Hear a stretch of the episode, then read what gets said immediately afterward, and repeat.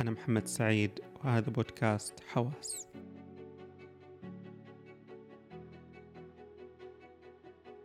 في هذه الحلقة نتحدث عن الجلال وكيف يتجلى في العلاقات الإنسانية والمعاني والآفاق الأخرى لمفهوم الجلال.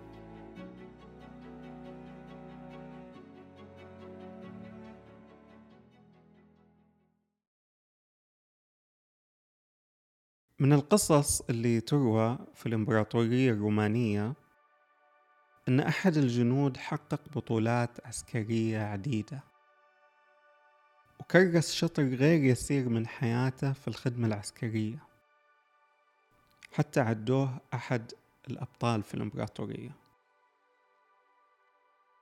هذا الجندي في مرحلة لاحقة من حياته قرر أنه يحول مساره المهني من المسار العسكري إلى المسار السياسي. وترشح لمنصب القنصل واحتاج أنه يستقطب أصوات الناس حتى يختاروه.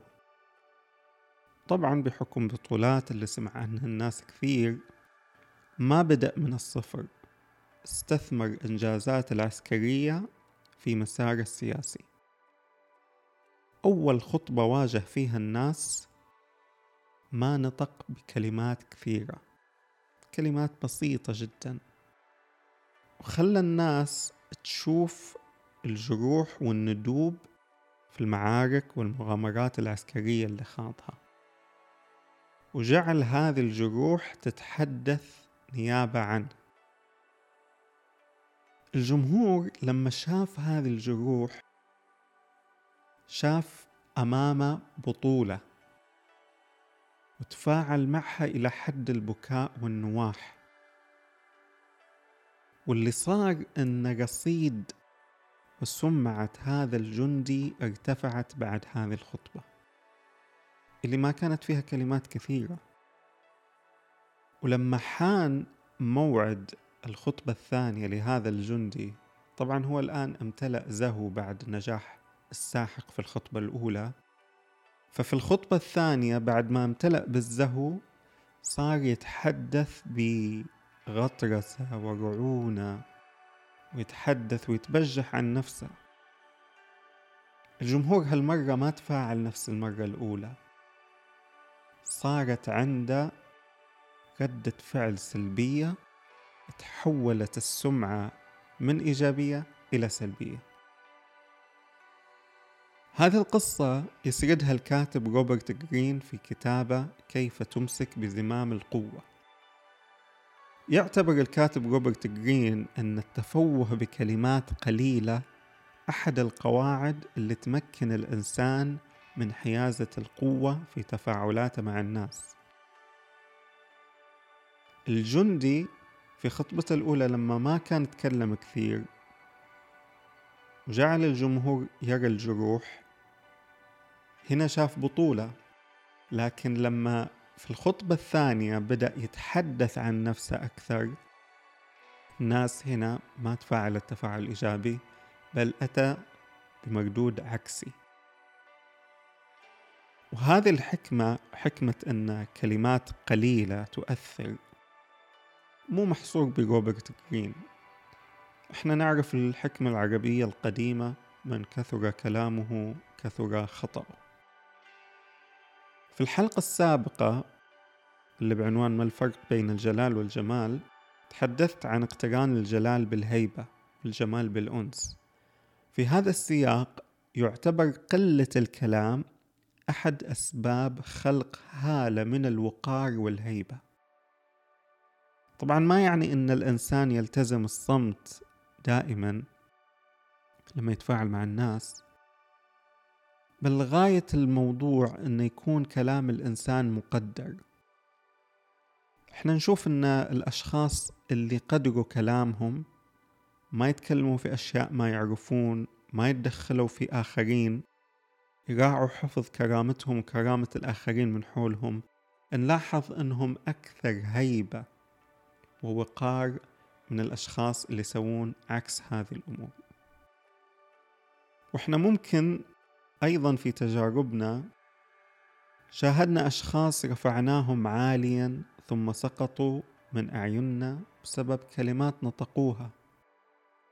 ممكن مو سقوط بالمعنى السلبي بل في أحيان إحنا نرسم هالة أشبه بهالة عظمة حول الشخص ولما نقترب منه نشوفه شخص عادي. ممكن ما يكون سيء أو قبيح لكن حاله حال غيره من الناس. السر في هذا الأمر إن إحنا نرسم في داخلنا صورة مثالية عن الشخص. ولما يكون الإنسان بعيد عنا ما تكون عندنا فرصة نتحقق من هذه الصورة. فنشوفه يساوي صورته المثالية.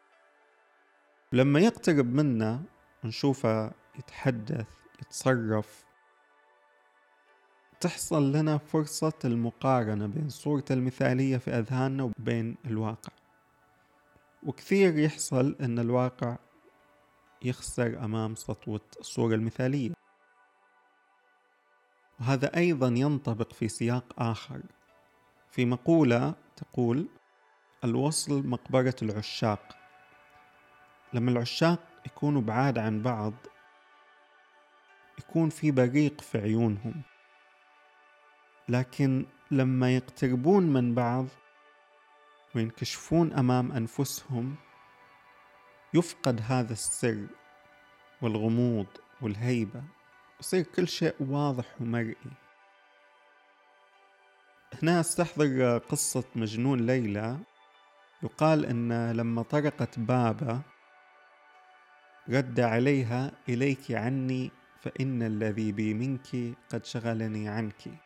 هنا ممكن قيس كان واعي أن لحظة الاقتراب راح تقتل هذا الشعور شعور التولع أو شعور الافتتان. وفي هذا السياق اللي أسميه شعور الجلال جلال الشخص الآخر. الجلال أو الهيبة تخلقها المسافة اللي تفصلنا عن مصدر الهيبة. نحس دائما أن في أمر غير مرئي. في سر وغموض أكثر مما نرى. السر والغموض يخلق في الإنسان تشويق. فإحنا نشوف أن ذروة استمتاعنا بالأفلام هي في المنتصف لما القصة ما بعد تفصح عن أسرارها. وأحد فنون الحياة هو فن المسافة. خلنا نسأل أنفسنا دايما كيف ندرك المسافة اللي توقد فينا الحماسة والتشويق إزاء الحياة. لما أقول كيف ندرك المسافة لأن هنا في أشياء لصيقة ابنة في الحياة زال حس الإثارة والتشويق إزاءها من فرط تعودنا عليها. نحتاج نبتعد عنها معنويا حتى نشوفها بشكل جديد مرة أخرى. وهذه على فكرة هي نصيحة الباحثة إستر بيرل لإحياء شرارة العلاقات الزوجية الطويلة. في العلاقات الزوجية الطويلة يألف كل من الطرفين بعضهم ويتعرفوا على بعض بشكل كامل فما في مجال للغموض. نصيحة إستر بيرل في هذه الحالة أن ينظر كل من الطرفين للآخر على أن كائن مستقل تماما. هذه النظرة معنويا كفيلة بإعادة الشرارة من جديد. والجلال في هذا السياق يكمن وسط العلاقة بين طرفين وهو اللي يعطيها الشرارة. يستكشف الإنسان غموض الحياة ودهشتها من خلال شخص. لكن هنالك سياق آخر للجلال والعلاقات. الجلال هو مسحة العظمة أو الغيب اللي تتجلى في أشخاص ننظر لهم عاليا. وهذه المسحة ما تعطينا خيار سوى الانجذاب نحوها أو الوقوف تقدير أمامها.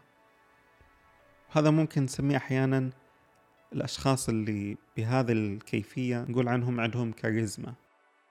الجلال يحضر مع المعاني السامقة والعالية في الإنسانية. نعجب بشخص لأن الجلال فيه قد يكون شجاعة أمام جبن أو حكمة أمام طيش أو صمت أمام ضجيج عفو أمام ظلم طمأنينة وسط اضطراب عفاف رغم الحاجة. علو همة رغم الانكسار. جمال على الرغم من القبح.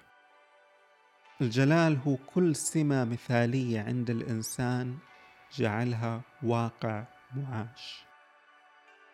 ولما نشوف أشخاص تمثلوا الجلال في هيئتهم أو سلوكهم في كلامهم أو مواقفهم يستيقظ إيماننا بهذه القيم مرة ثانية. بل ونؤمن بالجلال المودع في الحياة. لأن جلال الأشخاص هو فيض من جلال الوجود. الإيمان بالجلال هو الإيمان أن في الوجود ما هو أوسع وأعظم مما نرى لكننا لا نقدر أن نراه. الإنسان اللي يعترف بالجلال دائما يعترف أن هنالك عظمة. أخيرا جمال الزهرة لا يحس إلا في قربها. لو ابتعدنا عنها خسرنا كل تفاصيلها وتدرجات ألوانها وعبق رائحتها. بينما يكمن الجلال في البعد لا نستطيع الإحساس بالهيبة الكاملة للجبل إلا لأنه يبدو بعيدا عنا عاليا. لو التصقنا به لرأيناه كتلة من الصخور الميتة والمتعرجة. الجمال قرب والجلال بعد. الجمال تجل والجلال احتجاب. وإلى حلقة أخرى ومع السلامة.